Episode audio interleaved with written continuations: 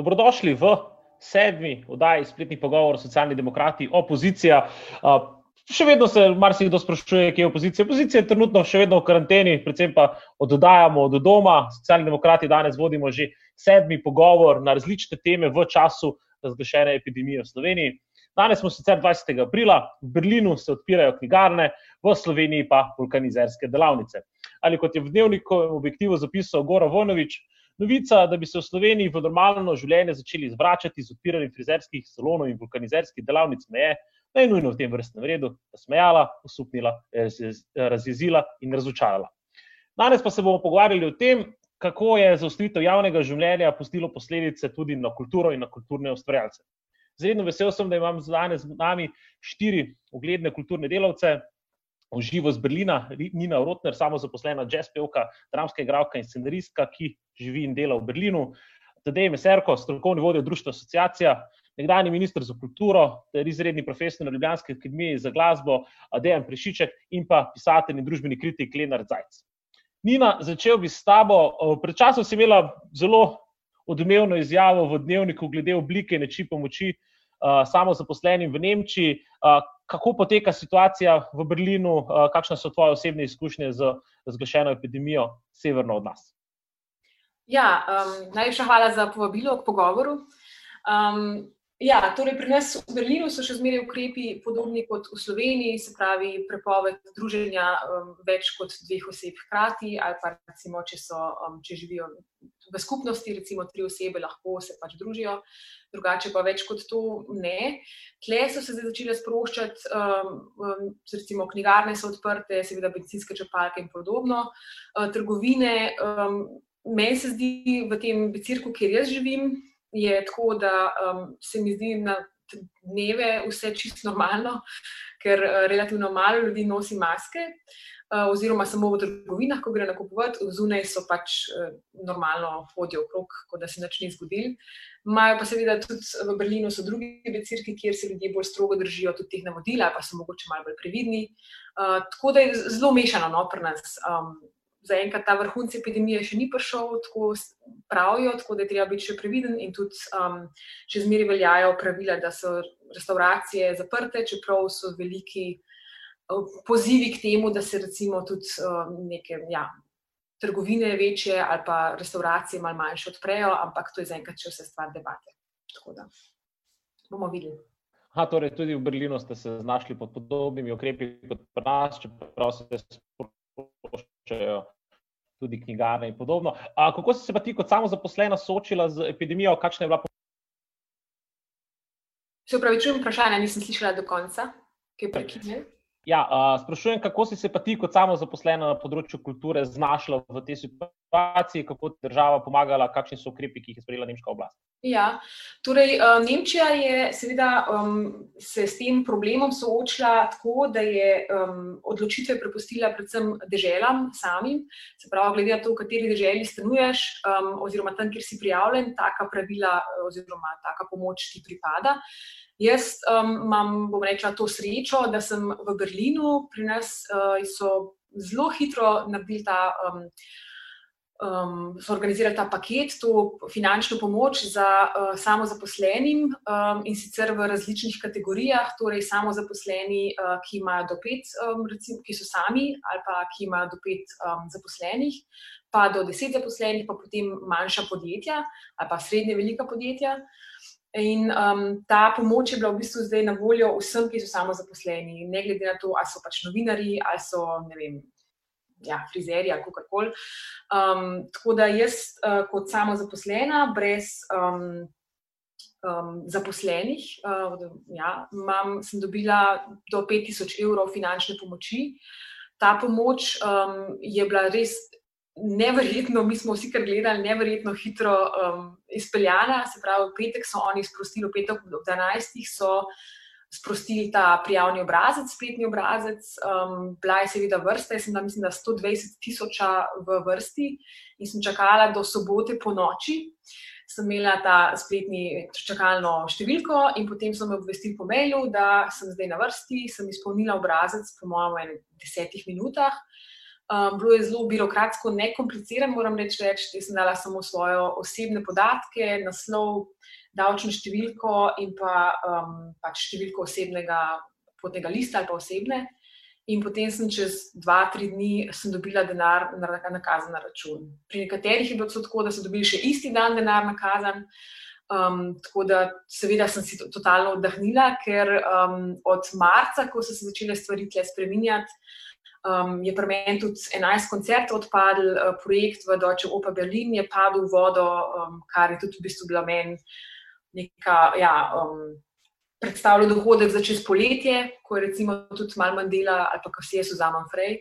Tako da um, sem bila zelo vesela. Zdaj bomo videli, kako je ta denar lahko mi, kot samozaposleni, solo samozaposleni, lahko obdržimo v primerjavi s tistimi, ki imajo do 10 uh, zaposlenih. Uh, oni so imeli pravico dobiti do 10 tisoč evrov, recimo, ampak je ta denar potreba potem uh, vrniti. Prav oni dobijo kot nek ta ne ob, um, kredit brez obresti, tako rekoč. Oni, potem, ko se podjetje postavi na noge, lahko ta denar potem vrnejo. Mi, uh, solo samo zaposleni, pa lahko teh 5000 evrov obdržimo, oziroma obdržimo to, kar nam pripada, oziroma kar, uh, dobi, kar je izpadlo. Se pravi, ne gre za to, da zdaj tisti, ki so manj, ki bi manj delali, ali pa ki ne bi imeli to koncertov, da kar dobijo malo 5000 evrov šenkanih, ampak je to dejansko ta denar, ki ti v bistvu uh, nekako pripada, oziroma s katerim si računal. Seveda se tle pojavi vprašanje, kaj je s tistimi koncerti, ki bi mogoče potem le um, spontano nastale, ali pa ponudbe, ki bi prišle recimo maja, junija, julija, pa zdaj ne bodo prišle, ne? tudi tiste, ki recimo niso bili prej um, dogovorjeni za tiste koncerte. To se zdaj diskutira, kaj se bo naredil, to bo potem revizija pokazala. Um, za enkrat um, je ta pomoč. Um, ja, se izkazala za zelo koristno ali pa za dobro odločitev za nas, umetnike v Berlinu.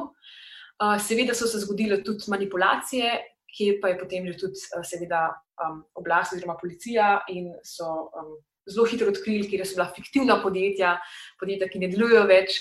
Tako da so zdaj tudi tle naredili red, in se mi zdi, se mi zdi super, no, da so zelo dobro zaenkrat za nas poskrbeli. V primerjavi, lahko samo še rečem, z Brandenburgom. Ne? Uh, Brandenburg uh, je imel drugačna pravila, ima tudi drugačen, um, tako rekla, fond. Ja? Um, in um, recimo, kolegica moja ni dobila nič, ker je pač polovično zaposlena na, uh, na fakulteti, tako da zelo je različno, no? glede na državo.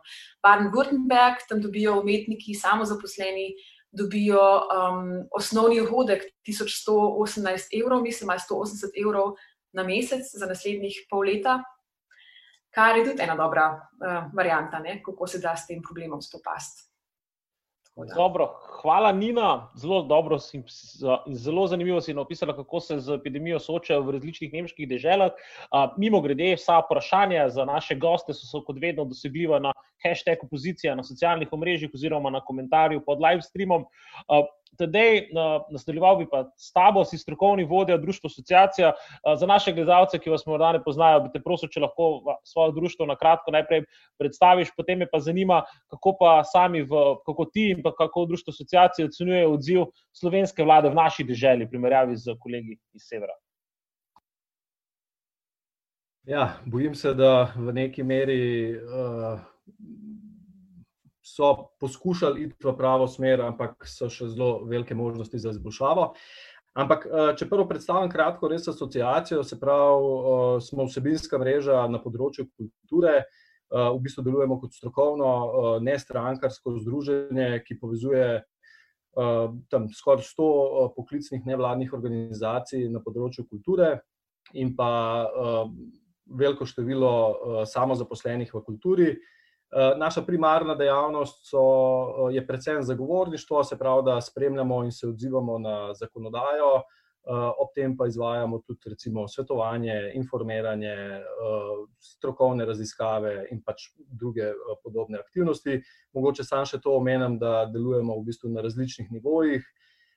Seveda, najbolj se osredotočamo na nacionalni nivo, poleg tega pa spremljamo tudi, kaj se dogaja na lokalnih nivojih in pa na evropskem nivoju. Uh, zdaj, kar se tiče uh, predlogov, ki jih je v bistvu dala uh, vlada, bi rekel, da v osnovi ta temeljni dohodek, ki so ga predlagali, ni slaba ideja. Spomnimo se, da v bistvu tisti čist prvi predlog je bil tam nekje 460 evrov oziroma 70 odstotkov, 70 odstotkov minimalne plače.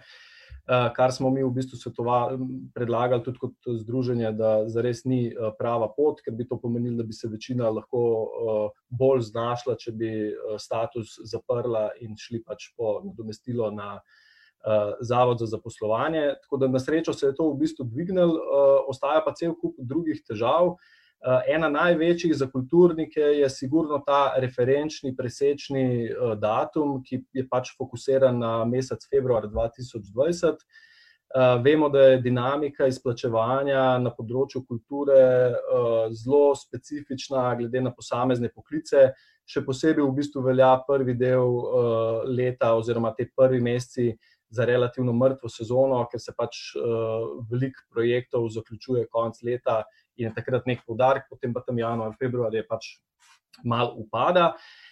In zdaj, če seveda postaviš februar kot tisti referenčni mesec, marsikdo je imel manjše, majhne prihodke, manjše prihodke, kot jih ima povprečno, in seveda ne doseže teh pogojev, ki so navedeni za naslednje mesece, se pravi petindvajset posto upada prihodka glede na februar v marcu in pa petdeset v aprilu in maju. Tako da smo predvsem to opozorili, da bi neki temelj, ki bi ga bilo potrebno spremeniti, zato da bi samozaposleni v kulturi lažje prišli do tega izplačila. Tule lahko navedem tudi statistiko, mi smo namreč zdajle prejšnji teden lansirali eno anketo, kjer sprašujemo točno te zadeve, in izkazalo se je, da tam odvisno od meseca, no, ampak tam približno med četrtino in pa tretjino oziroma skoraj polovico samozaposlenih za posamezen mesec ne, se pravi samozaposlenih v kulturi, ne bo moglo zaprositi, čeprav recimo istočasno jih skoraj devetdeset odstotkov poroča, da jih bo situacija prizadela. Tam okrog štirideset, petdeset odstotkov jih govori o tem, da jih bo prizadelo med dvajset in šestdeset odstotkov glede na njihov siceršnji, se pravi letni prihodek, ne. Potem recimo zadeva, na katero smo tudi reagirali, je to, da je ta, sama ta izjava javna, ne, zdi se nam popolnoma nepotrebno za celoten proces, da se v bistvu potem javno nekje objavi, da je neka oseba v pač stiski. Vemo, da ostala področja tega ne rabijo delati, se pravi, tako recimo upokojenci, študenti, v bistvu tudi podjetja, noben od njih ne bo rabil imeti javno objavljeno, kaj točno je prejel in koliko je prejel, samo pač tule pri samozaposlenih se dela neka izjema, kar se nam ne zdi potrebno. Potem ena od zadev je tudi recimo za to varovanje otrok na domu, zaposleni seveda se lahko odločijo tudi za to opcijo in dobijo neko finančno nadomestilo. Samozaposleni te opcije nimajo, kar pomeni, da morajo v bistvu delati skupaj z otroci, čeprav bi se mogoče vsaj eden od staršev rade volje odločil, da mogoče dobi malenkost nižji prihodek, pa da se pač posveti v celoti otrokom, kot pa da pač se pretvarja, da, da bo zdaj nekaj delal, če pač vemo, z otroki je zelo težko delati. Ta ukrep velja za vse zaposlene in ne vemo, zakaj tule, se pravi, vlada ni podobnega ukrepa sprejela tudi za samozaposlene. Potem mogoče bi omenil, v bistvu kaj smo predlagali, se pravi, v sklopu tega drugega korona paketa smo ponovno predlagali popravke, se pravi, novelo tega prvega zakona, za sam drugi paket se nam zdi najbolj pomembno, da bi prišlo do nekega sklada z nepovratnimi sredstvi. Namreč predvsem nevladne organizacije so se nekatere znašle v hudih težavah, ker so neke projekte, dogodke planirali, večje, se pravi, dogodke planirali mogoče za april, maj, junij, vse to bo odpadlo, rezervacije kart, prostorov, nočevanja so se že zgodila in zares ne vemo, kako točno se bo to vse skupaj odvijalo. Zato se nam zdi smiselno, da bi se vzpostavil neki sklad, iz katerega bi lahko pač te najbolj prizadete nevladne organizacije potem črpale, v kolikor bi se znašle pač v takih težavah, da jih ne bi mogle rešiti bodi sistem, kar je zdaj v drugem paketu načrtovano, se pravi, z nekimi premustitvenimi krediti, bodi si, da bi pa same uspele to nasloviti. Uh, nekaj, kar bi mogoče tudi že kar zdaj uh, poudaril in kar ni nujno sicer tema drugega paketa, je pa nekaj, kar bi lahko tudi ministrstvo uh, avtonomno sprejelo in to relativno hiter. Se pravi, predvsem programi, ampak tudi projekti, ki so odobreni za leto 2020, se bodo po vsej verjetnosti zelo težko realizirali v celoti v tem letu.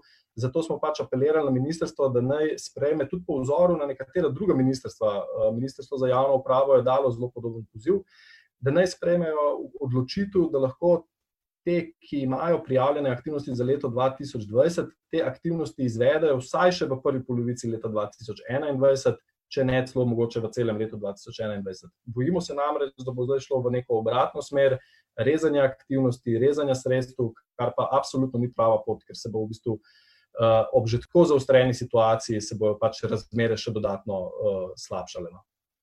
Tako da, uh, ja. kot, mogoče čist še zadnja malenkost, no, ki smo jo recimo predlagali. Pa se nam zdi zelo pomembno. Pač nekatere od organizacij nam poročajo, da bi rade te aktivnosti, ki jih imajo prijavljene, izva, izvajale tudi prek spletane.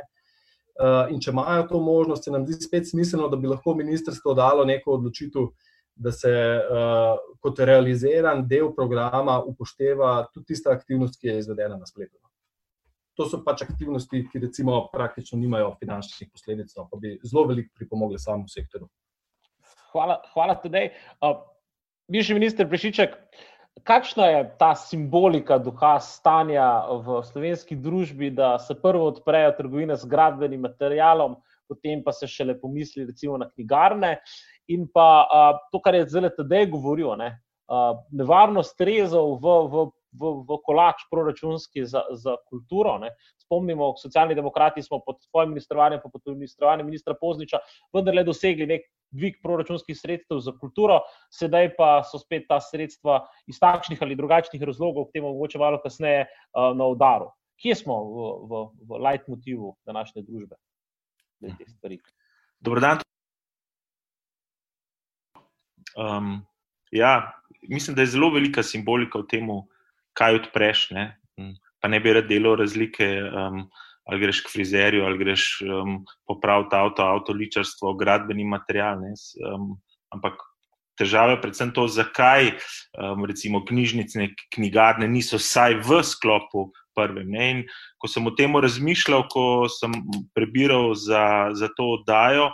Je seveda, ker kultura razvija nekega čutečega, razmišljujočega in kritičnega človeka. Ne? In tukaj je seveda vprašanje, ali družba v kateri živimo, si to želi, ali vlada, ki nam trenutno vlada, si pač želi čutečega, razmišljujočega in predvsem kritičnega človeka, ki bo to. Ne? V tem se mi zdi, je zelo nevarna simbolika, ki jo podajamo um, s takimi od, odločitvami. Ne? In ko jaz vidim ukrepe, ki jih Ministrstvo za kulturo dela in verjamem, da ekipa na ministrstvu želi uh, najboljše, ampak kar meni manjka, je predvsem mm, nek dialog, se pravi, nek dialog s tistimi, ki so v teh situacijah. Tega ni um, v zadostni meri. Um, Se pravi, da bi oni povedali, kje imajo težave, kje imajo skrbi, kako bi lahko preoblikovali. Ker, kot je že tedaj povedal, je kar nekaj ukrepov, ki niso slabi. Um, pri nekaterih uh, predlogih uh, so celo poslušali neko kritiko in celo spremenili, kot pri tistem temeljnem dohodku, ampak še zmeraj ne, ne poslušajo. Recimo, Nina nam je prej povedala, imela projekte, ki so bili planirani in sedaj tega dohodka, ga, dohodka ne bo. Vsi glasbeniki vemo, da decembr je zelo dober um, kot mesec, veliko delamo, januar je skoraj umrt mesec. Ne, se pravi, in, uh, predvsem samo zaposleni, nevladne organizacije pač razmišljajo um, ne v nekih ciklih pol leta, v ciklih enega leta, mogoče celo dveh let. Jaz ne razumem, zakaj vlada tukaj ni pristala ali pa ministrstvo ni pristalo na predlog asociacije, da bi šli celo leto. Jaz bi celo predlagal dveh let, 18-19, poprečen dohodek, ki si ga pač v teh dveh letih imel. Um, Kot umetnik. Potem zelo pomembno se mi zdi tukaj, ker velikokrat pozabljamo na, na vse te uh, um, delavce v kulturi, pa ne samo v kulturi, recimo novinarje, ki so neki prekarni delavci, ki delajo na avtorskih pogodbah, na podjemnih pogodbah, ne, ki sploh niso zajeti v nobeni pomoči pa jo tudi potrebujejo. Um, tako da um, na norveškem sem prebral, so naredili, um, se mi zdi, en zelo dober sistem, v katerem poleg ministrstva obstaja um, neko, um, neko združenje, nek krok ljudi. Ki razmišlja o ukrepih, ki komunicira na terenu, in skupaj z Ministrstvom za kulturo potem predlaga ukrepe, ki bi pomagali ljudem. Nina je rekla, zelo malo birokracije, takoj so pomagali, takoj so dali neko, um, mislim, da je asociacija napisala, govorila o nekih štipendijah, se pravi, neki enkratni pomoči, um, ko se je zaprtje, ker mi se moramo zavedati, kulturno življenje se je končalo, kot da ugasneš luč, ne prej bila luč pažgana, pol se je ugasnili in zdaj smo v temi. In, uh, in tukaj so države pomagale takoj, ne birokratsko, da so se umetniki lahko prilagodili tej situaciji ne? in bodo sedaj razmišljali, um, kaj je tukaj. In jaz mislim, da kreativni potencial, ki ga slovenska kultura ima, to vidimo po vseh teh uspešnih umetnikih, ki živijo v tujini in doma, da bi skupaj lahko verjeten uh, postavili veliko boljše pogoje. Um, Veliko boljšo in bolj direktno pomoč, in na koncu, mogoče tudi, um, ne vem, tako kot so v Italiji naredili, nek so naredili to, kao, uh, kvazi Netflix platformo, na kateri um, predstavljajo kulturo, na katerih so vem, virtualna branja, koncerti, um, posnetki iz raznih arhivov, in tako naprej. Ne, da bi, ker mogoče bi. Um, Bi še povedal, da um, recimo Svetovna zdravstvena organizacija že leta 2019 za zelo široko raziskavo, ki so jo naredili, to je bilo 900 objavljenih publikacij, več kot 3000 raziskav, v katerem so dokazali, da kultura um, blagodajno deluje na ljudi, tako na tiste, ki to izvajajo, kot tudi na tiste, ki to poslušajo, gledajo um, ne? in se pravi prispeva k um, nekemu stanju duha. Tako uh, zdravstvenega, kot duhovnega, nekega naroda. In se mi zdi, to je ta simbolika, ki jo nažalost trenutna vlada ni razumela. Hvala, Dejan. Uh, se še vrnemo. Uh, Lenard, ti si bil eden izmed pobudnikov, da smo socialni demokrati na svoji spletni strani začeli zbirati pisma iz karantene, si tudi eden bolj plodovitih piscev na tej platformi. Uh, kako samo ocenjuješ, recimo, odnos novega vodstva Ministrstva za kulturo do kulturnikov, do umetnosti in pa kako so ti ukrepi ki bi lahko pomagali v bistvu kulturnikom, da bi lahko ne samo preživeli to, to karanteno, ampak da bi tudi izkoristili kot nekakšno priložnost. Kje vidiš, da smo trenutno? Ja, hvala za povabilo v to oddajanje in v pogovor. Lep pozdrav vsem skupaj. Uh, ja, jaz, kar bi rekel, kje smo trenutno. Uh, Za začetek, če pogledamo ekipo, ki deluje na Ministrstvu za kulturo, absolutno minister je izkušen človek, izkušen človek na tem področju. Tudi njegova glavna sekretarka, gospa Ignacija Friedel, ima bogate izkušnje na področju kulture, književnosti, kritike, literarne. Ampak, če pa se pogleda malo dlje, se pa vidi, da se je, da postaja to ministrstvo neko odlagališče za zaslužne ljudi v uh, strankarskem delovanju na desnici, ne, oziroma na nekih desnih poljih. Recimo, glavni uh, svetovalec za odnose z javnostjo je bil prej nek uh, uh, pisec kolumn na Novi 24 TV, ki je svetlobna leta delač od razumevanja potreb slovenske kulture. Ne. In zdaj, če imamo se to ministrstvo obdaja s takimi ljudmi, seveda ne, ne more priti do pravih reakcij na potrebe kulture, ker tiče ne, odnos ta, da, iti, da bi morala iti slovenska kultura itak iti na trg, ne, namesto da se financira iz, o pomoči države. Uh, po nekem ameriškem zgledu, potem pravzaprav zakaj sploh pomoč ljudem. In tako naprej, in če imamo take ljudi, je tukaj težava. Uh, sem prepričan, sem, da te ljudje tudi v dobri meri zavirajo uh, komunikacijo med potrebami kulture in tem, kar bi ministrstvo lahko naredilo. Uh, Čeprav na drugi strani jaz mislim, da te, ki pa so na ministrstvu, vključno z ministrom, ki bi verjetno radi resor rešvali, imajo potem tukaj težavo, kako to vzpostaviti. Ker jaz še zmeraj verjamem v to, da ministrstvo hoče delati v dobro kulturnikov in svojega resorja. Res pa je, da se mi zdi, da strani te vlade kakšnega posebnega razumevanja za kulturo nikoli v njihovi zgodovini njihovega delovanja ni bilo. Ne, da bi kulturo videli kot neko, jo postavili na mesto, kjer mora biti. Uh, mislim, da če gledam na zgodovino nazaj, pravzaprav uh, prav zares uh, ni, ni tega prostora dobila. Zdaj, seveda, ne, uh, če primerjam potem uh, to delovanje in pomoč samo zaposlenim v kulturi z tem, kar je umenila prej gospa Nina v Nemčiji. Ne, imam če daj bolj občutek, da je nivo dodeljevanja kulturne pomoči pri nas bolj uh, z te vladne strani razumljen kot podeljevanju miloščine, ne pomoči. Ne? Ker ti pomoči nekomu daš, ker mu pomagaš, ker mu hočeš pomagati, ne? miloščino daš pa nekomu, ki te prosi. Ne? In kot je prej tedaj rekel, pri nas bi se morali kulturniki posipati z vsem tem, kaj smo prej naredili, kdaj smo dobivali denar in tako naprej, in prositi za to, da to dobimo, uh, namesto da se bi pomagalo, kot v drugih resorjih. Skratka, uh, še en pokazatelj razumevanja kulture z te strani. Ne? Tako da zdaj, kako. Kaj se bo tukaj odvijalo naprej. Malo me skrbi že tudi to, ne, da se ne povedujejo rezi na področju kulture za prihodne leto. Ne. Za leto se je obljubljeno, da bodo pogodbe se speljale, da bodo spoštovane, pa vendar le že tukaj zamujajo. Ne. Če pogledam samo recimo svojega resorja, uh, uh, se pravi uh, na književnosti. Uh, Knjižnična nadomestila zamujajo za več kot en mesec, ne, kar pomeni, ne, glede na to, kot smo že prej ugotovili, da v bistvu uh, samo zaposleni v kulturi ne delujemo na mesečnih dohodkih, ampak so to uh, honorari, ki prihajajo enkrat letno, dvakrat letno, enkrat nekaterim so na daljši razpon, ne odvisno od tega, kaj kdo počne.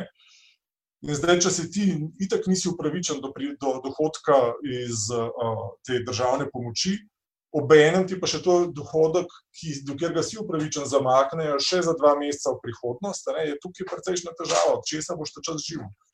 In včasih imamo občutek, da se uh, ljudje ne, na tem področju, ki so zadolženi za nas, s tem življenjsko tega niti ne razumejo, niti se v to ne poglabljajo. Kako se bo to odražalo na naslednjem letu, ko se bo sprejemal proračun za kulturo?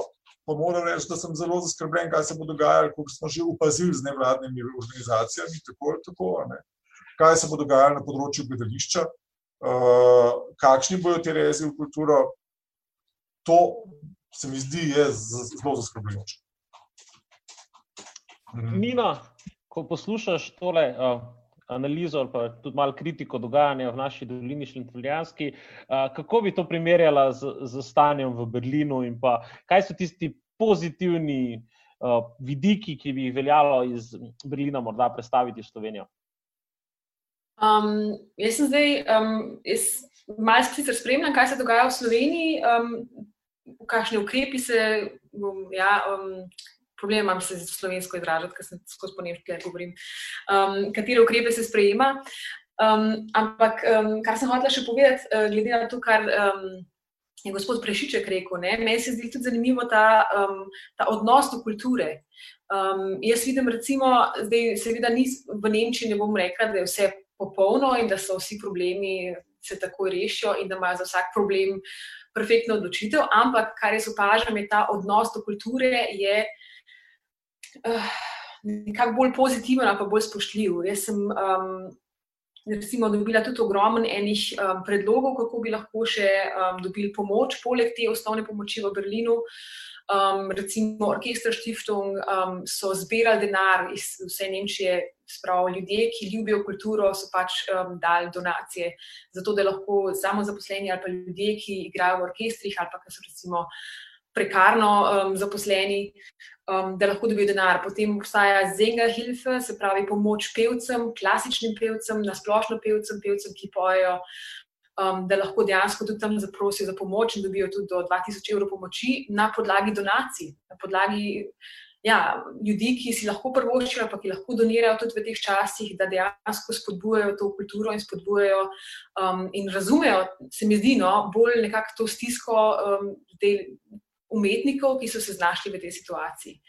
Um, kar bi še rada povedala, je ta, um, da. Um, Je ta dialog, se mi zdi, diskurs uh, tudi uh, do teh, ki se s kulturo ukvarjamo, ali pa recimo, da um, Jazz Union Deutschland, se pravi Združenje, Zdruštvo jazz glasbenikov, so zelo velik, uh, da so imeli pogovora tudi z um, oblastjo oziroma s tistimi, ki se v teh stvarih odločajo. Uh, glede tega, da po, pokažejo, kakšna je situacija um, glasbenikov ali pa recimo predvsem jazz glasbenikov, kjer v bistvu ne dobimo, razen če si v Big Bandu, ne dobiš neke. Um, redne zaposlitve v kakšnem orkestru, ne. ampak dejansko si pač zadolžen, oziroma si sam zase odgovoren, kar je seveda čar tega poklica, hkrati pa tudi prekletstvo. Ne. In uh, jaz bi si želela, da bi mogoče ljudje, ki, ki tega ne razumejo, da bi mogoče imeli vsaj, da bi bili odprti poskušati razumeti ta način življenja ker to je način življenja in to je ena zelo odgovorna odločitev. Jaz se vse prevečkrat v medijih nekako zasledim, ali pa na kakšnih forumih, da pa ja, ti umetniki, pa se oni tako neč delajo. Jaz bi si želela, da bi ti ljudje mogoče enkrat mal en mesec živeli kot umetniki ali pa kot samo zaposleni v kulturi, da vidijo, koliko dela in razmišljanja in predanosti stoji za tem delom.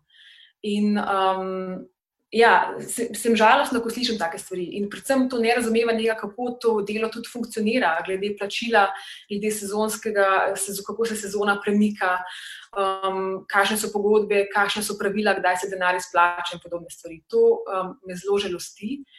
Um, tudi en, ne vem, kako je sicer v Sloveniji s tem, ampak en primer, recimo, če delaš kot umetnik z lajki, se pravi na področju uh, umetnosti z lajki. Recimo, jaz imam dva zbora, um, kjer so lajčni pevci in um, jaz, uh, je ta moj honorar neobdavčen, ker pravijo, to, kar ti delaš, pripomore k boljši družbi.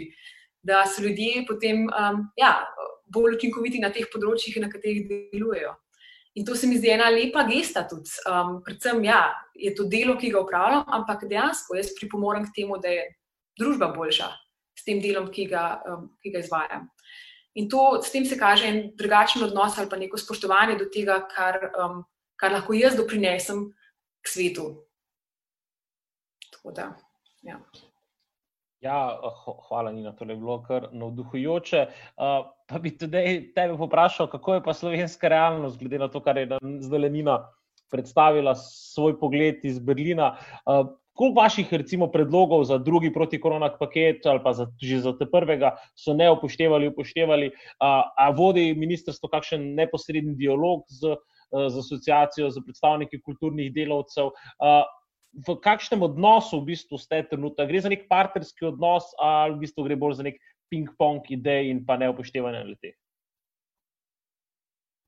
Kar se tiče samega upoštevanja idej, je v bistvu nehvaležno govoriti, koliko je bilo recimo upoštevanega v tem smislu, da uh, bi se zdaj mi neke zasluge pripenjali. Seveda, mi smo predlagali, takoj ko je prišel tisti prvi predlog 470 evrov, da je to nezadostno in da ne bo več.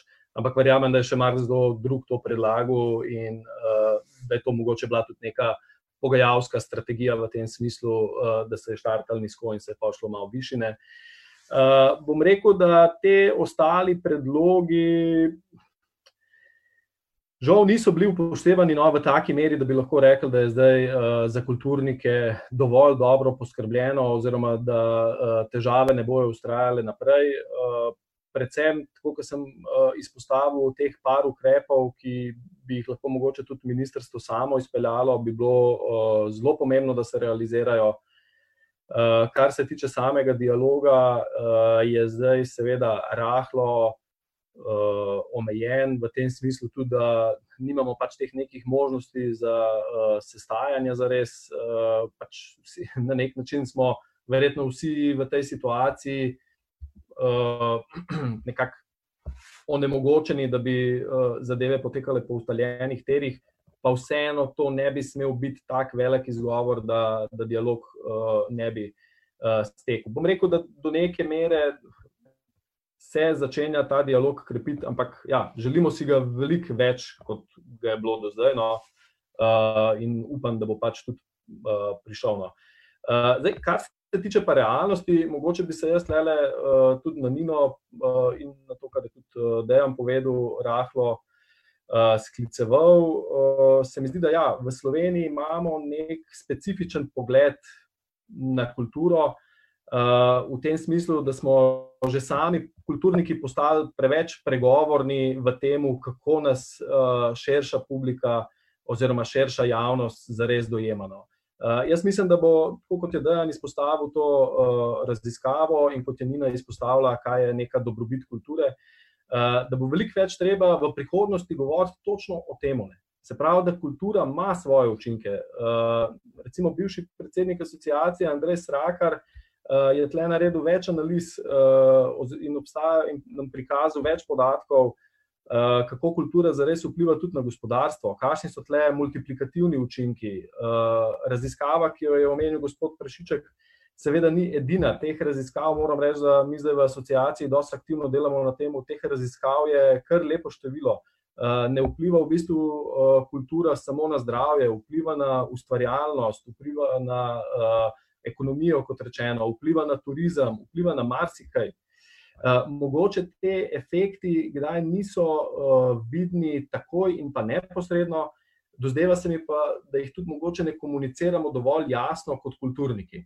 Uh, tako da tle vidim neko dolgoročno vizijo, da bomo v bistvu se vsi na nek način zavezali k temu, da bomo bolj prikazali, kaj je v bistvu ta dobrobit kulture.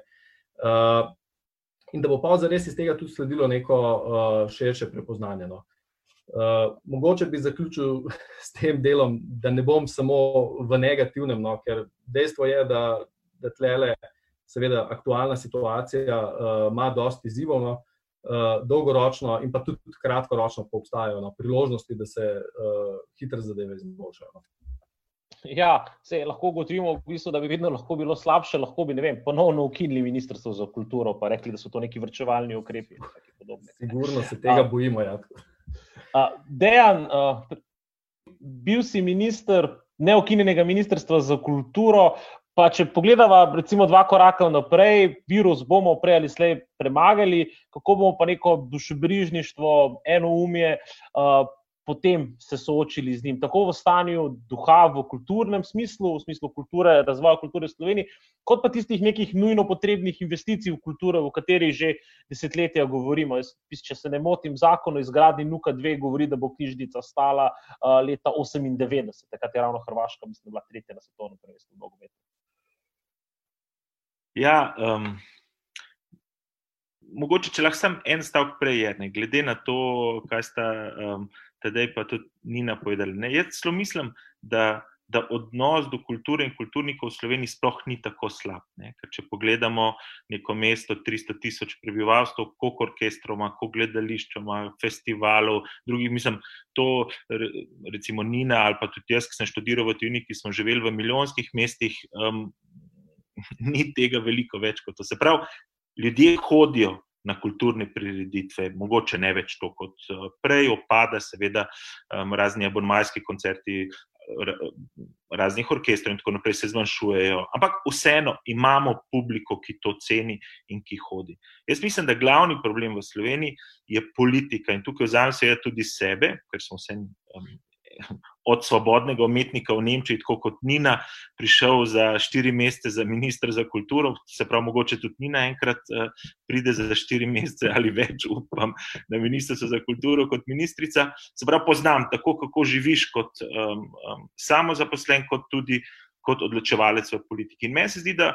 Da je politika tista, ki prikazuje, da kultura stane, da je kultura strošek, da zakaj to potrebujemo. Jaz vem, da na hearingu v parlamentu je bilo vprašanje, um, kaj sploh je kultura, ali če nekdo naredi nek spektakel, performance, ali to je kultura, ali to vredno financiranje ali pa ni. Jaz mislim, da politika prvo ne bi smela se um, umešati v samo kulturo, se pravi v to, kar izvajalci izvajajo morali bi postaviti pa pogoj, da bi kulturniki lahko dobro živeli. En primer je tako, kot je Nina rekla, recimo davčne olajšave in druge, ker vsekakor uh, pripomoremo k družbi. Zdaj pa, če se vrnem na tisto, ene, kar si pa ti vprašal, ne pa vsekakor. Prvo vprašanje je, kako pomagati med epidemijo. Tukaj o tem smo se zdaj veliko pogovarjali. Ampak jaz v Sloveniji še nisem zaznal, da bi se pogovarjali, kaj in kako po temu. Ne? Kaj bomo pol? Um, tudi, jaz mislim, da, da tudi pol um, v dvoranah, ki smo jih zgradili za 1500 um, ljudi, um, bodo ljudo, ljudje zelo počasi spet v teh masah šli na te prireditve. Zaprav, to se ne bo, tako kot se je ogasnilo, se ne bo spet začelo, ampak bo to nek postopek. In tukaj mi manjka ta dialog. Ne? Dialog s kulturniki, kam bomo šli naprej, ta uh, kreativni potencial, kako se bo. Mi lahko vzamemo to krizo kot neko prečiščenje in bomo videli, kako naprej, um, um, kje so poti, kakšne poti so, um, um, kako bomo kulturniki um, živeli. Ne? Vsekakor imamo en aspekt, ki je to, kar si omenil, zagon gospodarstva, se mi zdi. Ne? Se pravi, mi bomo morali gospodarstvo, bomo, bomo prišli v neko gospodarsko krizo in tukaj bo potrebno strani države narediti nek zagon. Ne? In zakaj ne?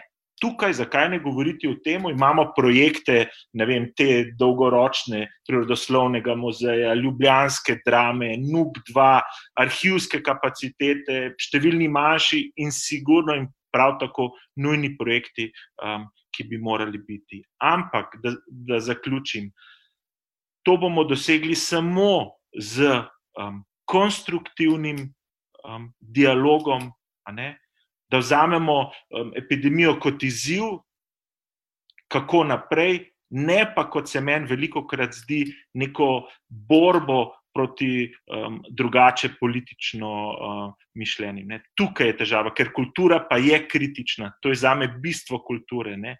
da je kritična do družbe, um, um, do vsega, kar se dogaja okoli nje. In to ne smemo vzeti kot napad na nas, politike, da na robe delamo, ampak z roko v roki, da najdemo rešitve za budučnost.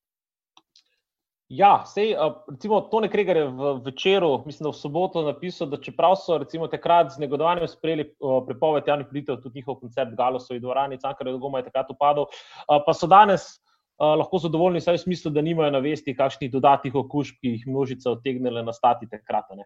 Je pa hkrati napisal, da si poleg tega, kot ena od prvih kulturnih žrtev epidemije, nekega dne mogoče obetajo veteranski status in iz tega izhajajoče bonitete. Uh, Lenard, če smo že pri veteranskem statusu, ti si napisal dnevnik protestnika, vstaja zombijev, iz vse slovenskih ljudskih staj. Kakšno vlogo ima pri tej družbeni kritiki, vendarle uh, umetniki, kulturni delavci, spomnimo, to ne pa oče, majniška deklaracija, Vaslo Havel in še bi lahko naštevali. Ali misliš, da bo tudi iz tega vidika nastalo kaj več kot samo kakšna dobra knjiga ali pa uporniška pesem? Uh, ne, no, če gledamo vlogo kulturnikov v slovenski zgodovini, imamo nasplošno zelo močno vlogo, kar se tiče upora in podžiganja upora, oziroma opominjanja ljudi da, na to, da je upor včasih dožnost. Sploh, kadar vlada ravna krivično in ker imamo krivične zakone, se moramo upirati. Uh, protizakonito dejanje postane moralno dejanje lahko, in tako naprej v določenih okoliščinah. In tukaj je kultura, sigurno, ena in umetnost, ena od stvari, ki stimulira upor. Je pa sigurno tudi ta prva, ki se potem, ko ta upor ni več potreben, pozabi na njo. Na ta način pozabi, da pravzaprav ne, vse te.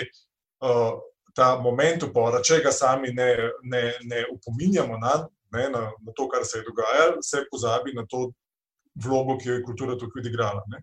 Recimo, če se primerja uh, vlogo uh, kulture in uh, umetnosti v času NOB, uh, ko so se partizanske brigade imenovali po slovenskih pesnikih in pisateljih. Uh, in ko so se ta dela uh, teh kulturnikov potem še vsa ta leta po vojni upominjali na njo, se je seveda ta spomin ohranil. Po drugi strani je pa po osamosvitvi Slovenije se pa skoraj pozabili, oziroma nekako zavestno odrinili na obrobje, da je prva slovenska samostojna ustava pisana v Društvu slovenskih pisateljev, da so bili pisatelji te, ki so najbolj uh, spodbujali samosvojitev. Uh, skratka, ne, uh, ker se to njih želelo ohranjati, se to pozabi. Zdaj, kaj bo tukaj iz tega naprej, kar se zdaj dogaja?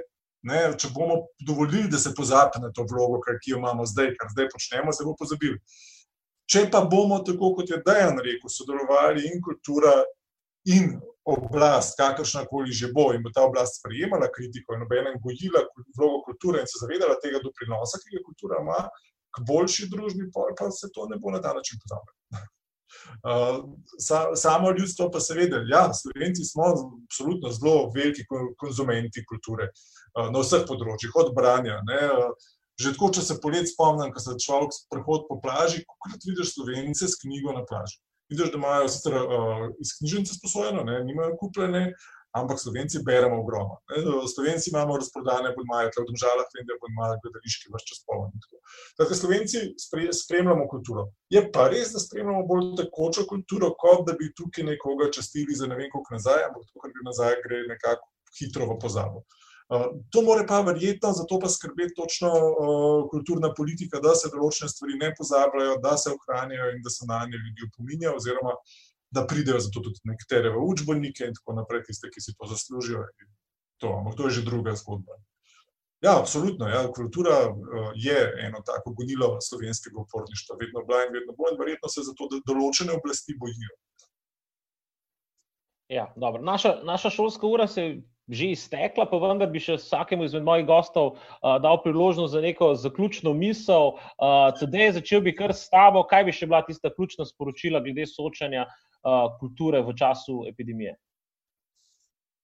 Mislim, ključno sporočilo bi verjetno bilo kratkoročno, absolutno uh, zagotovimo ustvarjalcem, zagotovimo uh, organizacijam čim lažji prehod skozi to krizno obdobje, uh, Eh, politika, mislim, da tle ima praktično neko dolžnost, da, da pač uh, vzpostavi mehanizme, da se ne bomo po epidemiji zbudili v svet brez kulture, oziroma kulturno močno osiromašeni. Ne. Uh, Drugač, neka splošna misel bi pa mogoče bila, no, če se uh, rahlo obrnem na to, kar je bilo na zadnje povedano. Uh, da kultura ima mogoče res v Sloveniji en ta revolucionarni pridih. Ne, uh, in z tega vidika se zdi, kot da je uh, njena funkcija bila opravljena, ne, oziroma ne pride nikoli nova potreba po tej funkciji. Uh, mogoče moramo tle vse neko spremembo doseči, da je kultura uh, lahko tudi reformistična, v smislu, da ima ogromno nekih učinkov. Uh, ki mogoče niso na, na prvi pogled tako spektakularni, uh, kot je vem, pisanje nove ustave, ne, uh, ampak ima pa zelo veliko pač drugih spremljajočih efektov, in verjetno bo treba to sporočilo pač tudi bolj jasno uh, komunicirati do širše javnosti. Hvala, bivši minister Prešiča, kaj bi ti dodal? Ne veliko, ker je bilo že skoraj vse povedano. Jaz bi mogoče samo um, povedal, da vsem zaposlenim na majstrovi ker je kultu, eh, ministrstvo za kulturo, ki verjamem, da se zelo trudijo um, v dani situaciji, da se kultura vseeno ne dogaja na ministrstvu. Kultura se dogaja v vadnicah, v dvoranah, na cestah uh, in tja bi bilo potrebno iti, tam bi bilo potrebno vprašati. Kaj potrebujejo, um, kako se imajo, kako lahko skupaj um, prebrodimo to um, težavno obdobje. Lenard, tvojih pet centov. Da jaz bi tukaj izpostavil to, da um, po vsemu temu bi mogoče si veljali zapomniti končen, ne, da kultura seveda ni vlaganje samo tudi v kulturno infrastrukturo in v velike projekte, ampak predvsem tudi ohranjanja ustvarjalca pri življenju. Ne. In mogoče bi začeli enkrat končno razmišljati tudi o tem, kako kulturne ustvarjalce en dober sistem štipendiranja da se ta prihodek za ustvarjalce postavi tako, da lahko se živi od ustvarjanja. Ker drugače skozi njihovim modernim amaterizmom in profesionalizmom, ker seveda eh, ne, tukaj bi veljali, če bi se iz tega zdajšnjega momenta to naučili, bi ogromno odnesli tudi za prihodnost. In pa zadnja, vendar zagotovo ne slednja, še Nina iz Berlina. Uh, kaj nam sporočaš za zaključek? Ja, jaz bi si želela, da to krizo um, uporabimo za to, da mogoče um, se naučimo vsi no, nekega zdravega, predvsem pa kreativnega političnega diskurza, da se lahko odprto o vseh temah pogovarjamo, brez kazanja prstov ali pa potiskanja v neko levo, desno, kakršno koli stran, ker um, se mi zdi to precej nekreativen način razmišljanja. In um, globoko verjamem in sem res prepričana, da um, vsaka naložba v kulturo, um, da se vsaka naložba v kulturo splača in da to nikoli ni izgubljena naložba. To to. Hvala, Nina. Uh, za zaključek še ena kosovelova misel. Zmaga resnice v kulturnem, humanizma v gospodarskem, pravičnosti v socialnem življenju bo največji triumf sodobnega človeštva. Ostanite doma, ostanite zdravi, ostanite kritični. Srečno do prihodnje vdaje. thank you